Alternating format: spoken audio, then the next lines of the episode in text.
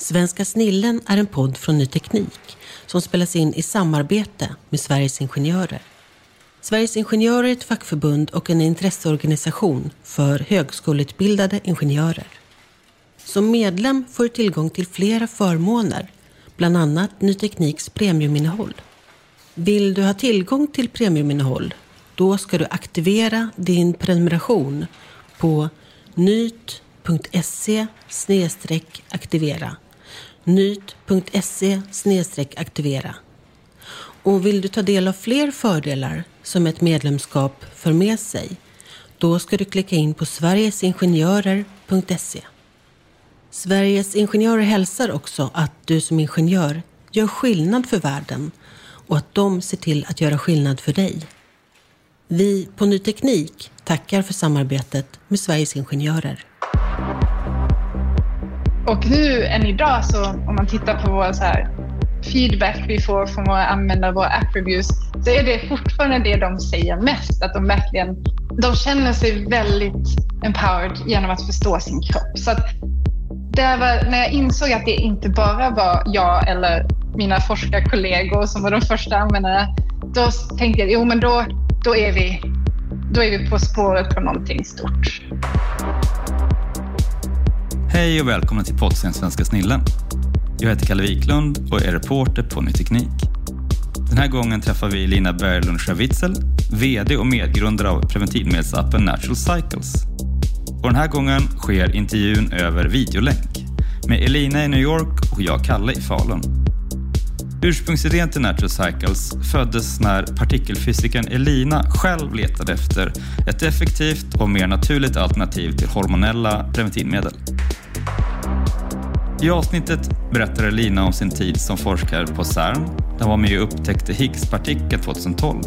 Hur synen på femtech, alltså teknik som fokuserar på kvinnors hälsa, har förändrats under det senaste decenniet och hur det kändes att hamna mitt i en mediestorm när Natural Cycles-appen anmäldes till Läkemedelsverket. Det och mycket mer kan du höra om i avsnittet med Elina Berglund Schawitzel från Natural Cycles. Nu välkomnar vi Elina till podden.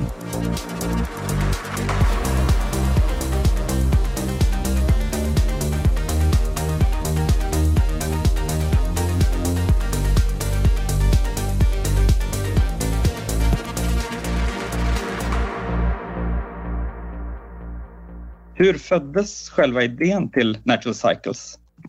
Ja, det föddes egentligen från, initialt från mitt eget behov av ett effektivt och naturligt preventivmedel. Um, jag, jag, är forskare från början. Jag, um, jag är partikelfysiker. Jag var med på CERN och var med och gjorde den här upptäckten av Higgspartikeln som, som ledde till Nobelpris uh, för de som hade förutspått eh, partikeln, Higgspartikeln. Uh, och det den hittade vi 2012 och Nobelpriset kom 2013. Och då 2012, ungefär samtidigt, så hade jag slutat med hormonella preventivmedel för att jag visste att vi, vi ville skaffa barn om några år och jag ville ge min kropp en chans att återgå till det normala först innan dess. Eh, och jag då försökte hitta vad jag kunde använda för metod eh, så länge och hittade inget bra men insåg att kroppstemperaturen ändras när man har ägglossning och att kvinnor brukar då analysera sin temperatur för hand för att förstå när de har ägglossning och, och när de var fertila. Eh, men det har inte varit särskilt effektivt för att det är mycket som kan påverka temperaturen. Eh, så med min bakgrund då från partikelfysiken så tänkte jag, ja, men okej, men jag kan ju ta den här gamla metoden och göra den mycket mer effektiv genom att eh, använda faktiska statistiska metoder, ta föregående cykler in i beräkningen. Och, för det är väldigt mycket det vi gör i partikelfysiken för att det är så väldigt mycket data att vi försöker här, filtrera ut vad är signal och vad är liksom bakgrund.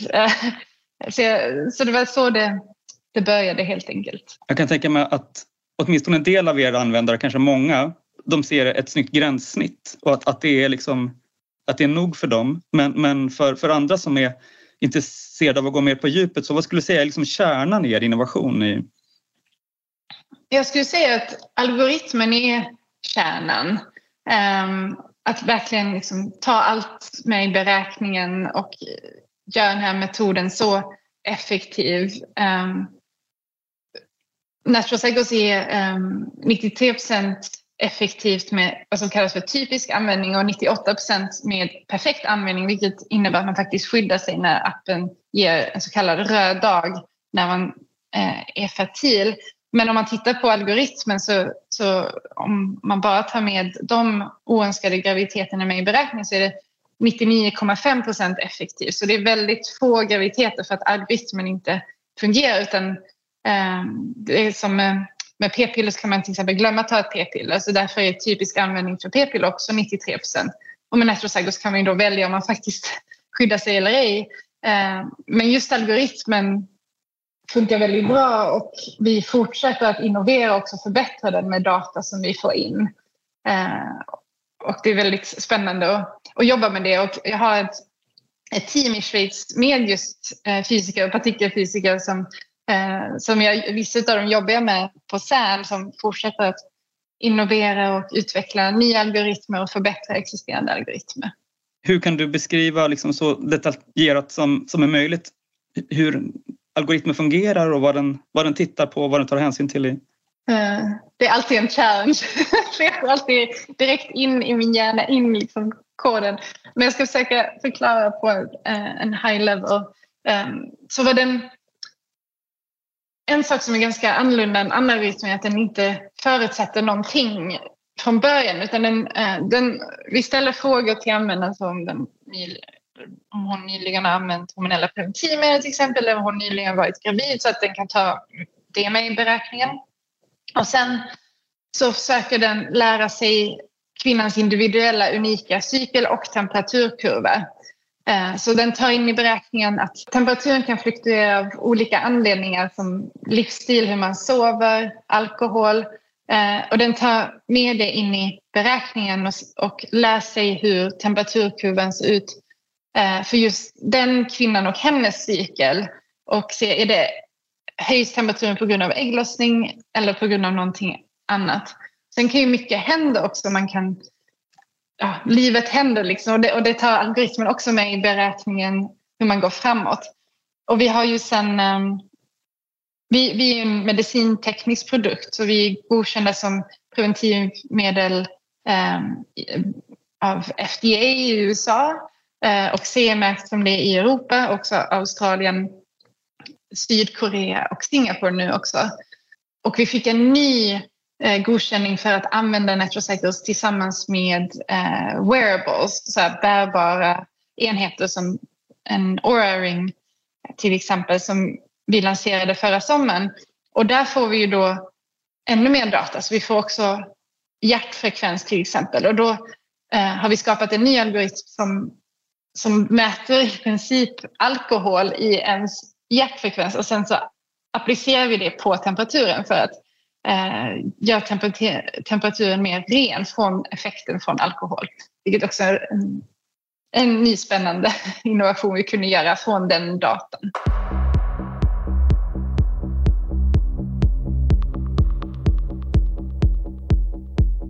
Den här podden heter Svenska snillen och vi har träffat ett gäng olika liksom extraordinära personer som har skapat nya innovationer.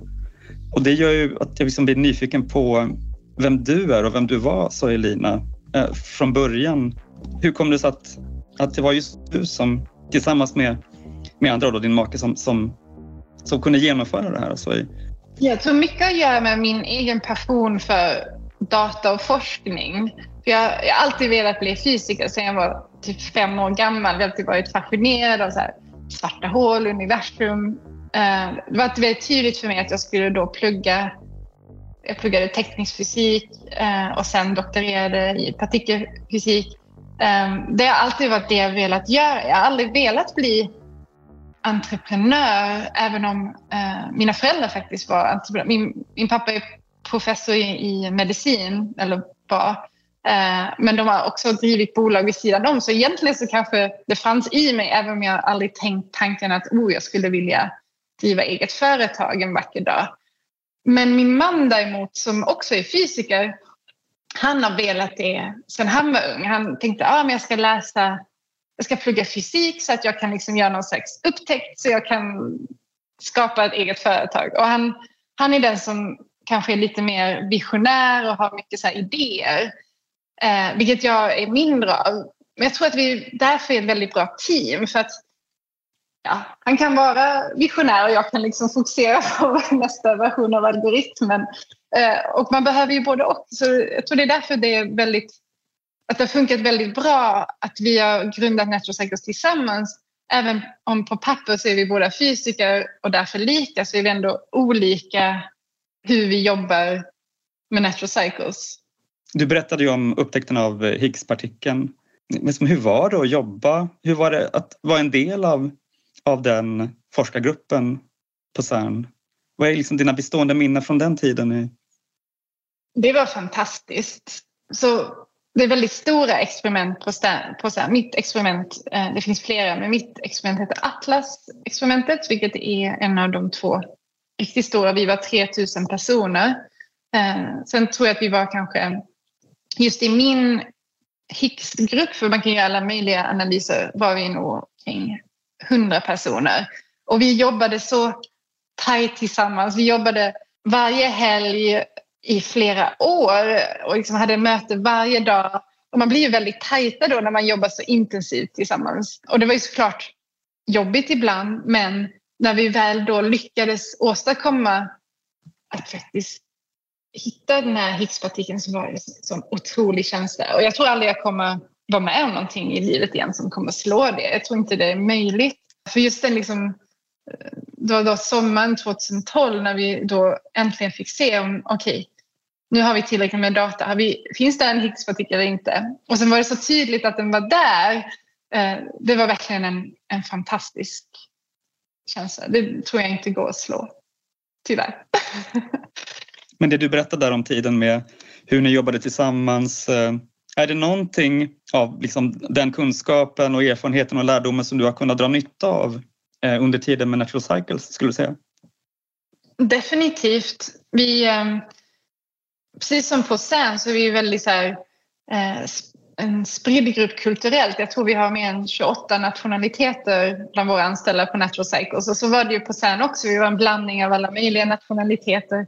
Eh, vi vill säga alla fysiker, det är vi inte på Natural Cycles. Men vi, jag tror att ändå tagit med den andan att vi, vi jobbar väldigt bra tillsammans även om vi är olika och kommer från olika bakgrund och vi alla liksom respekterar varandras åsikter. Ehm, ja, så jag tror att vi liksom tagit den positiva delen från forskningen med oss till Natural Cycles.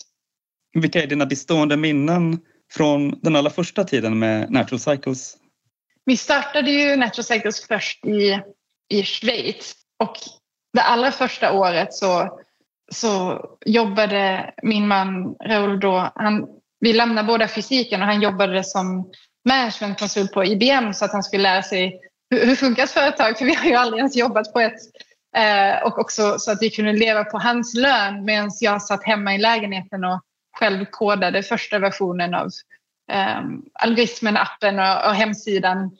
Eh, och det var, jag kommer ändå ihåg den tiden som på ett väldigt positivt sätt. För det är inte så ofta i livet man faktiskt kan grotta in sig så mycket på någonting.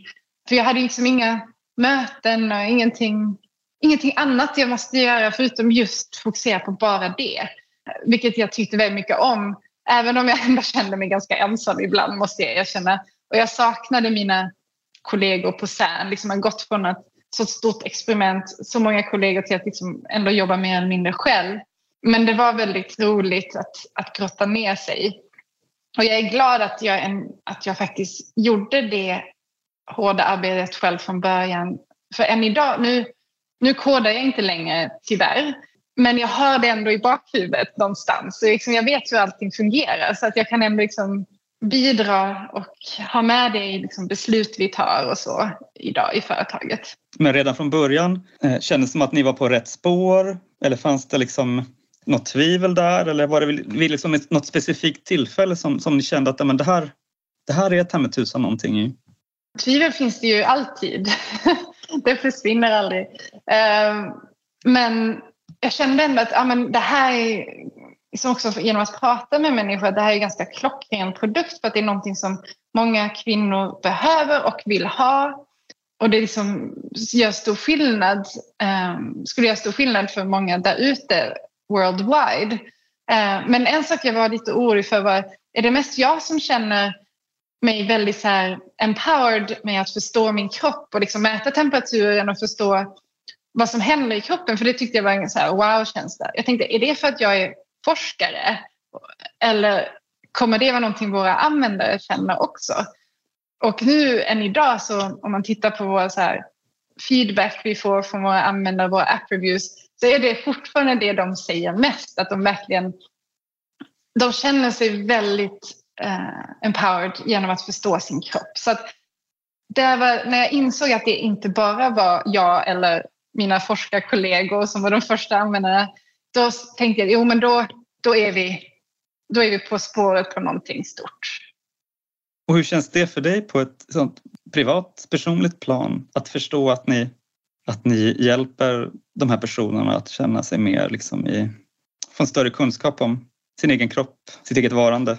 Det är fantastiskt för mig också det som motiverar mig mest eh, när, när liksom inte alltid allting går jättebra. Men det är det som är liksom ultimata motivationen till att fortsätta med Natural Cycles. Och nu har jag ju gjort det i tio år och jag tycker fortfarande att det är jätteroligt. Och jag, jag tror att det är främst därför. Um, ibland glömmer man lite, man måste ta ett steg tillbaka och tänka oj, men jag gör ju faktiskt det här. Och, uh, det spelar kanske ingen roll att just den här pyttelilla delen just nu inte går så bra. Men på det stora hela så gör det ju det. Och, uh, det är väldigt viktigt arbete vi, vi alla gör. Så jag tror att det är väldigt motiverande för mig men också för hela teamet. Så det är väldigt positivt. Om vi stannar kvar där vid första tiden. Hur var det när ni började approchera investerare och andra samarbetspartners? Hur blev ni mottagna från början? Ja, ofta ganska mycket skepsis. Och så är det nog lite fortfarande, just kvinnohälsa är ett otroligt känsligt ämne. Eh, och investerare är ju ofta män. Så det är också lite svårare att få dem att förstå vad det är för problem vi försöker lösa ibland. Men med det sagt så har vi alltid lyckats resa pengar när vi har försökt och kanske inte alltid varit superlätt men ändå från vad jag har förstått från att prata med andra entreprenörer relativt lätt. Och jag tror att det är just för att vi faktiskt löser ett sånt konkret problem. Eh, och vi, vi gjorde vår första ängelrunda när vi fortfarande bodde där i Schweiz. Och, eh, vi har fortfarande investerare eh, från den tiden. Och, eh, jag läste en artikel igår som kom ut på en av våra första ängelinvesterare i eh, Schweiz. Och han, han hade då skrivit att eh, de frågade liksom, vem investerar han i och vem investerar han inte i? Och han, han skrev då, ledsen på tyska, men jag tror att jag förstod det rätt, att han, skulle, att han aldrig investerar i eh, gifta par. Förutom ett undantag, vilket är Natural Cycles, som har varit också hans bästa investering. Så jag var väldigt stolt när jag läste det igår. Eh, att han gjorde, jag är glad att han gjorde det undantaget för oss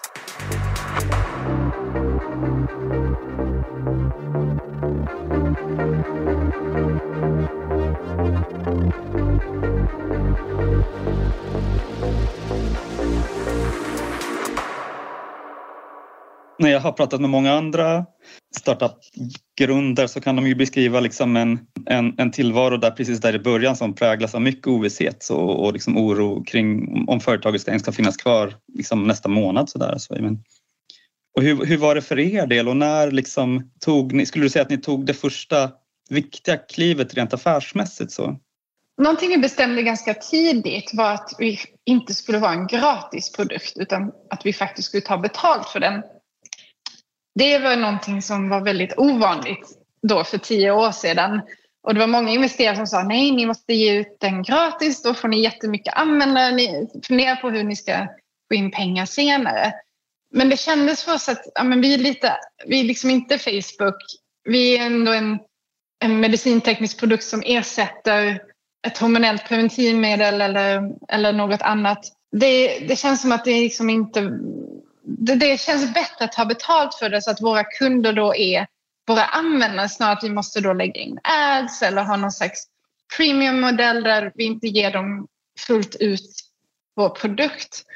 Och det är jag väldigt glad för idag för att det, det har ju fler och fler företag nog gått mot men också särskilt nu när just data privacy har blivit så viktigt så känns det som att vi har, det finns ju många nu mensappar där ute som är gratis och de måste ju då tjäna pengar på att sälja data på ett eller annat sätt. Och det, det känns inte rätt. Så det, det, har, det var ett väldigt bra tidigt beslut.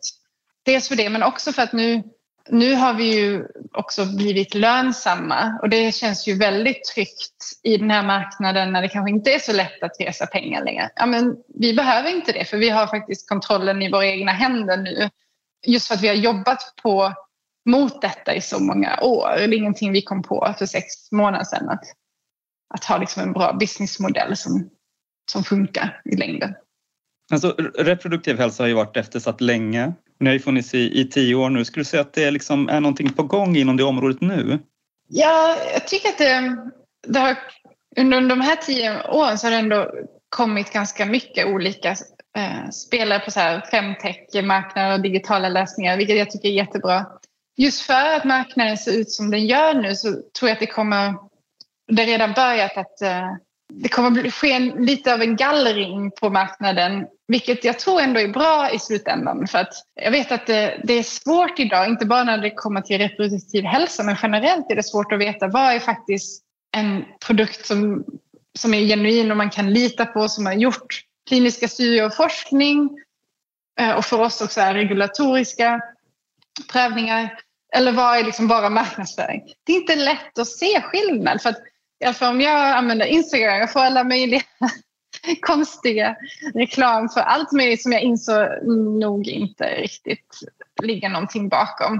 Och jag tror just den här eh, marknaden som är just nu med eh, recession, eh, att det kommer liksom gallra ut det goda från resten. Och då kommer det finnas mer tillit i det här området överlag. Så jag tror att det blir bra i längden, även om det fortfarande såklart behövs jättemycket mer forskning och innovation på det här området. Men de två punkterna, skulle du säga att det är det viktigaste som behöver ske framåt? Forskning, innovation eller ser du något annat? Alltså åtgärder som, som behövs? Jag är ju forskare så jag tror ju allting börjar med forskning och innovation. Eh, det är lite tråkigt för att de stora, vissa av de stora läkemedelsföretagen har eh, gått ifrån att forska och innovera på just kvinnohälsa.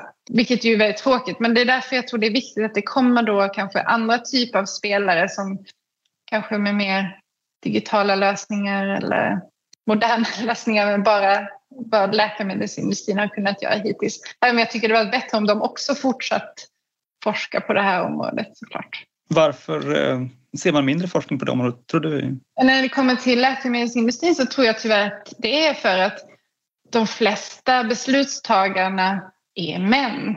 Och så är det fortfarande. Så det, det kanske ändras igen en vacker dag när det faktiskt inte bara är män där på toppen i styrelserummet eh, som tar de besluten. Men så är det fortfarande idag. Äggstockar är det organ som åldras snabbast av, av skäl som fortfarande är oklara, eh, om jag förstått saker och ting rätt. Och det påverkar ju många kvinnors livsval. Finns det något som ni på skulle kunna göra för att liksom öka kunskapen om det här och förbättra kvinnors reproduktiva hälsa? Ja, det har vi också insett att när det kommer till reproduktiv hälsa och kvinnohälsa generellt att det finns, det finns väldigt mycket okunskap. Eh, så det är någonting vi försöker förbättra genom att ehm, ja, göra mer kommunikation på det området. Så vi, vi till exempel vi har ett Instagramkonto med mer än 400 000 följare där vi inte bara pratar om natural cycles och preventivmedel men vi, vi pratar om eh, kvinnohälsa och liksom verkligen försöker sprida mer kunskap på det här området. Vi har också en blogg som heter Cycle Matters där vi försöker göra samma sak. Så att, eh, vi hoppas med hjälp av att sprida mer kunskap att kvinnor då kan göra bättre val. Jag, jag bor ju utanför New York och jag tror New York och Stockholm är lite lik på det sättet att eh, åldern för första barnet är ganska högt. För att det det kommer ju från att många kvinnor, de satsar ju på karriären först, eh, väldigt förståeligt. Eh, och det, det, krävs ju då att det finns lösningar att kunna få barn senare i livet, vilket eh, det finns ju mer och mer med IVF och att man kan frysa sina ägg. Och, ja. Så jag tror det kommer komma mer och mer på det området. Eh, du nämnde det tidigare, men Natural är en av få appar som är godkänd som preventivmedelsapp, alltså direkt till konsumenter i USA och som dessutom uppfyller kraven för CE-märkning i Europa och du nämnde också och flera andra länder. Hur kändes det för dig och för er att få just den här FDA-godkänningen i USA och CE-märkningen i, i Europa eh, som, som kom för några år sedan? Så, vad har det betytt för, för Natural Cycle som, som bolag? Ja, det har ju betytt jättemycket eh, och det var verkligen inte lätt att komma dit. Det tog många år med mycket forskning och mycket jobb. Eh, så det var definitivt inte självklart. Så jag skulle säga efter Higgs-upptäckten så var det nog de två momenten i livet när vi fick igenom just C-märkningen och FDA som har varit det bästa eh, och mest spännande. För att det, vi, vi vet ju att kvinnor använder vår app och också idag andra appar, även om de inte är godkända, just för preventivmedel. Så att det, jag tycker att det är väldigt viktigt att det ska ske på rätt sätt och att det ska kunna göras offentligt och inte bara i skymundan, eller vad man ska säga.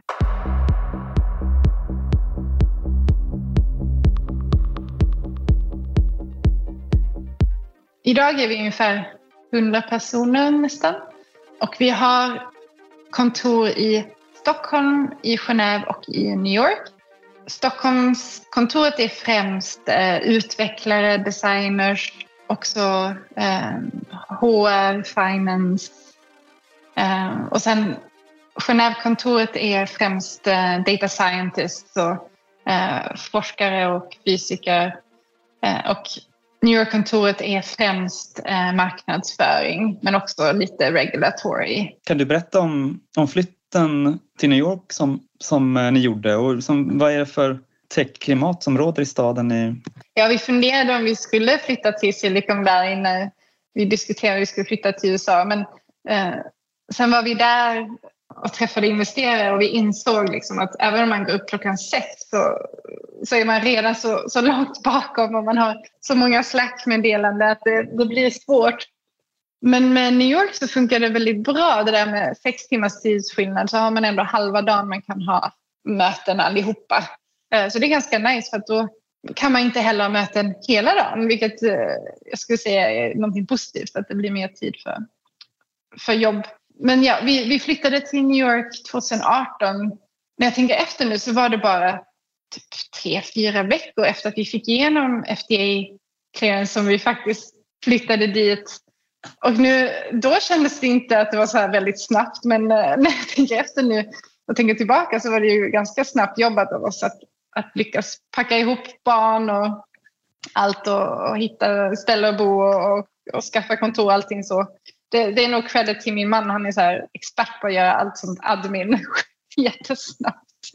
Och i början så, så, tyckte jag att det var lite jobbigt för jag saknade väldigt mycket kollegorna på Stockholmskontoret. För jag, liksom, jag spenderade många år att vara där med dem varje dag. Och det var ganska stor omställning först. Och igen lite ensam. Så det påminner mig lite om det där allra första året när jag liksom var helt själv. Och mina gamla kollegor, det var ju fortfarande mina kollegor då, men de var inte på samma ställe som jag. Men sen ehm, så byggde vi upp vårt kontor här och vi, nu när vi alla är remote first så, så, känns det som, så känns det väldigt bra att vara här och vi har liksom lyckats skaffa jättebra talang här och nu idag är USA vår största marknad och vår snabbast växande eh, by far. Så att jag tror att det var ett väldigt bra beslut att komma hit även om det kanske inte kändes så här 100 procent de första veckorna. Vad tror du ligger bakom den eh, framgången på den amerikanska marknaden, skulle säga nordamerikanska marknaden? Går det att ringa in något specifikt? Jag tror att, att vi har skaffat det teamet. Jag tror att det var svårt att göra utan att faktiskt ha ett amerikanskt team. För att de, Eh, de de vet vad som funkar i USA och det är svårt för oss att veta som, som inte har samma erfarenhet. Och sen så är det också hårt jobb. Det är inte så att det funkade från dag ett heller, utan liksom bara att hela tiden jobba på det. Men USA är också en sån otroligt stor marknad så om man verkligen börjar penetrera det så, så har det ju, det bär ju mer frukt för att det är ju, det är ju mycket större och allting är ett språk. Det gör ju lättare än, än till exempel Europa om man ska lyckas lösa liksom, Tyskland, Frankrike, Italien, alla olika kulturer, olika språk. USA är ju lättare av den anledningen. Hur många användare har ni då? Totalt sett? Eh, så utåt brukar vi kommunicera antal registrerade användare. Jag tror vi har runt tre miljoner registrerade användare idag. Kan du berätta kort eh, vad du har för roll i bolaget idag? Som jag förstått det så delar du och din make på vd-rollen.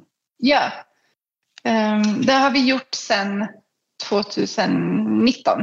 Så innan var jag CTO och han var VD. Men sen 2019 så tog jag över marknadsföring och han tog över hårdvaruutvecklingen. Så då blev vi co-CEOs, vilket jag tror är en trend. Jag ser fler och fler företag med co-CEOs. Man delar på, på ansvaret och de olika områdena och det känns som att vi får mer gjort på det sättet. Saknar du att vara CTO, skulle du säga? Teknikchef? Ibland så saknar jag att, um, att koda. Men jag jobbar ju fortfarande med alla tekniska team lika mycket som innan. Men eh, vår första utvecklare som vi anställde för åtta år sedan, så den första som började skriva kod förutom mig själv, han blev befordrad till CTO förra, förra månaden efter åtta år på Natural Så vi är väldigt glada att ha honom, ha honom kvar och han är fortfarande jätteduktig och också bara blir mer och mer fantastisk över åren.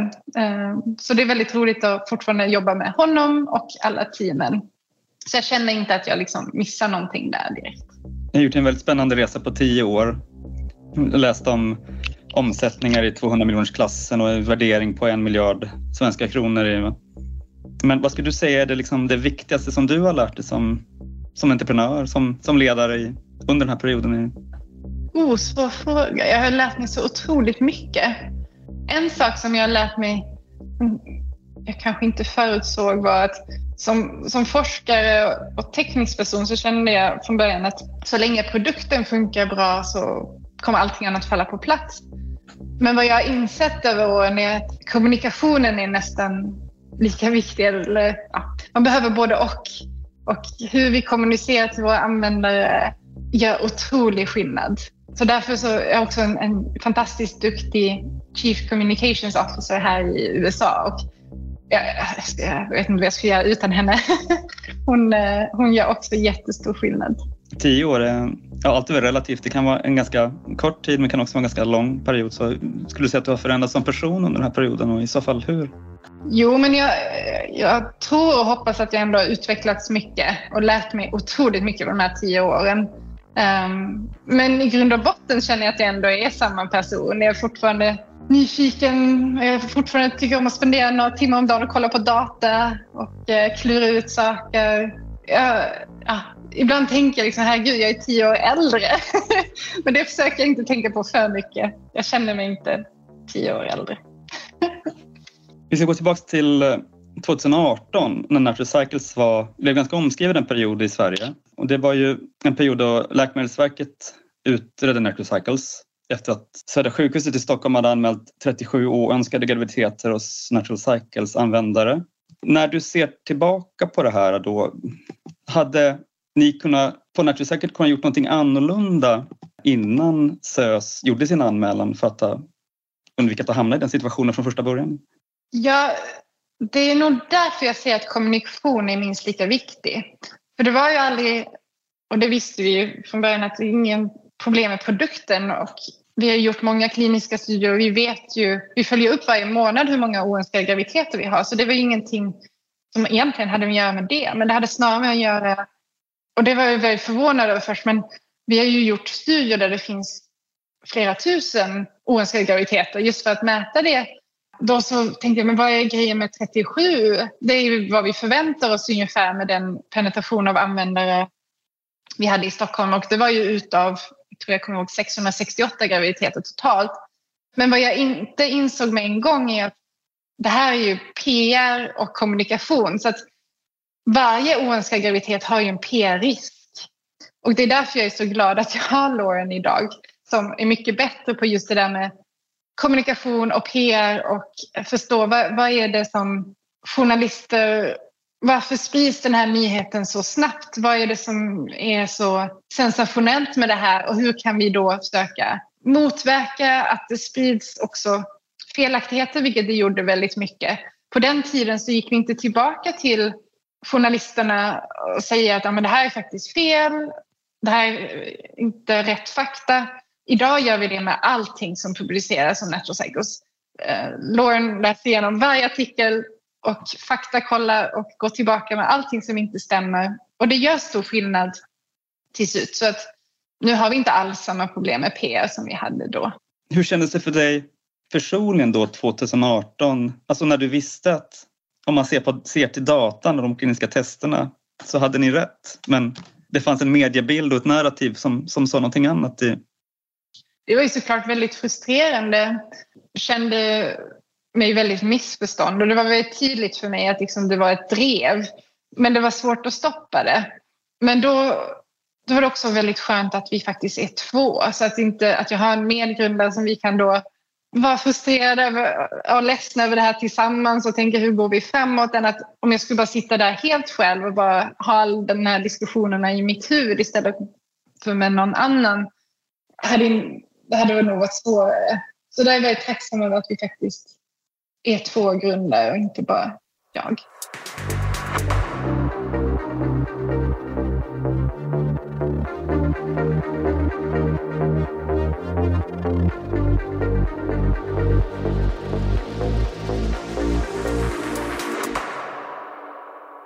Ni är snart eh, tio år som bolag. Ska du säga att ni är i grunden samma företag idag som, som ni var för tio år sedan? Det kanske säger sig självt att man inte är det, men, men om man ser till ja, kärnan Jo, men det tycker jag ändå. Vi har ju aldrig gjort någon pivot. Eh, liksom, produkten och kulturen och kärnan är ändå, skulle jag säga, samma. Vi har ju kommit långt på vägen, definitivt, men, men ändå på det spåret som vi började med från början. Under den här tiden har man ju kunnat liksom skönja en, en viss förändring när det gäller femtech och intresse för, för femtech. Ehm, hur ser du på liksom hur, de stora, hur de stora aktörerna idag klarar av att vända sig till just kvinnor när det gäller digitala hälsotjänster? Ja, det är väldigt eh, spännande och vi är väldigt glada att, att eh, stora techföretag som Apple och Samsung att de också börjat fokusera mer på kvinnohälsa och hitta lösningar. Det är bättre sent än aldrig ska jag säga. Och, eh, eh Samsung har investerat i Natural Cycles och vår algoritm är det som nu ligger bakom deras eh, kvinnohälsa-app. Så det är väldigt roligt att, att jobba med Samsung. Också väldigt spännande med Apple att de har lagt till en temperatursensor i, i sin klocka. Så det är någonting som vi, har, som vi håller på att göra kliniska studier på nu och också um, jobba på. Och det är ju enorm potential för oss. Också Samsung eh, har ju temperatur i sin klocka så det, eh, det, är, det är mycket det vi, vi fokuserar på just nu. Vad kan du berätta om samarbetet med Samsung? De har ju investerat stort i ett bolag så hur liksom initierades det, den kontakten och, och hur fungerar samarbetet? I? Ja, det är mycket som um, som Raoul, min man och medgrundare, han, han är den som driver partnerskapen och han var faktiskt i Sydkorea den här veckan. Eh, han kom hem i natt. Eh, han, han, gjorde, han flög över Nordpolen från New York till, till Korea och spenderade tid med dem där tillsammans med eh, några från teamet i Genève som också jobbar väldigt nära med Samsung. För att, vi gör väldigt mycket kliniska studier tillsammans med Samsung. Och det, det, har varit ett väldigt bra partnerskap hittills eh, och väldigt spännande. Och jag tror också det, där vill också precis i början, det känns som att vi kan göra mycket mer där. Så det kommer nog bära ännu mer frukt i framtiden också. Natural samarbetar ju till exempel med företaget Aura som de tillverkar en smart ring som bland annat kan hjälpa Bernhard med att förutspå sin menscykel.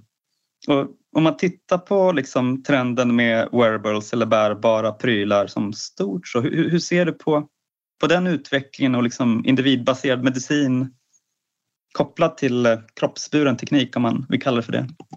Jag tycker det är väldigt spännande för det, det är ju fler och fler som har en bärbar ring eller en, en, en smartwatch och de blir ju bättre och bättre på att mäta sånt som temperatur, heart rate och andra biometriska eh, inputs. Och ju mer vi kan ju då utveckla algoritmer som kan då se om någonting är fel eller om man kanske borde ändra sin livsstil eh, och liksom mer och mer insikter om ens hälsa och kroppen så hoppas jag att det kommer också leda till att vi behöver mindre och mindre vanlig sjukvård för att fixa någonting som redan liksom har gått sönder. Så jag tycker det är väldigt spännande just den här skiftet till att försöka få förstå sig på sin kropp och hur den funkar och förbättra saker innan man blir sjuk. Det är lite det vi gör på Natural Cycles men det finns ju otroligt mycket mer områden för det här. Eh, jag har ju turen att få testa alla de här produkterna i och med att vi testar dem med Natural Cycles. Så jag vet allt om min heart rate och hur jag sover och hur mycket aktivitet jag, jag gör. Men, men för er på Cycles, det är en, självklart att ni är en del av den här eh, transformationen eller eh, ja? Ja, det är vi ju. Och vi, vi har ju nyligen lanserat vår egen Bluetooth-termometer vilket är spännande och någonting våra användare har bett om i så många år. Men om jag tittar så här fyra, fem år framåt så tror jag inte vi kommer ha någon termometer alls utan då kommer vi bara ha olika bärbara enheter som mäter vår egen och våra partners.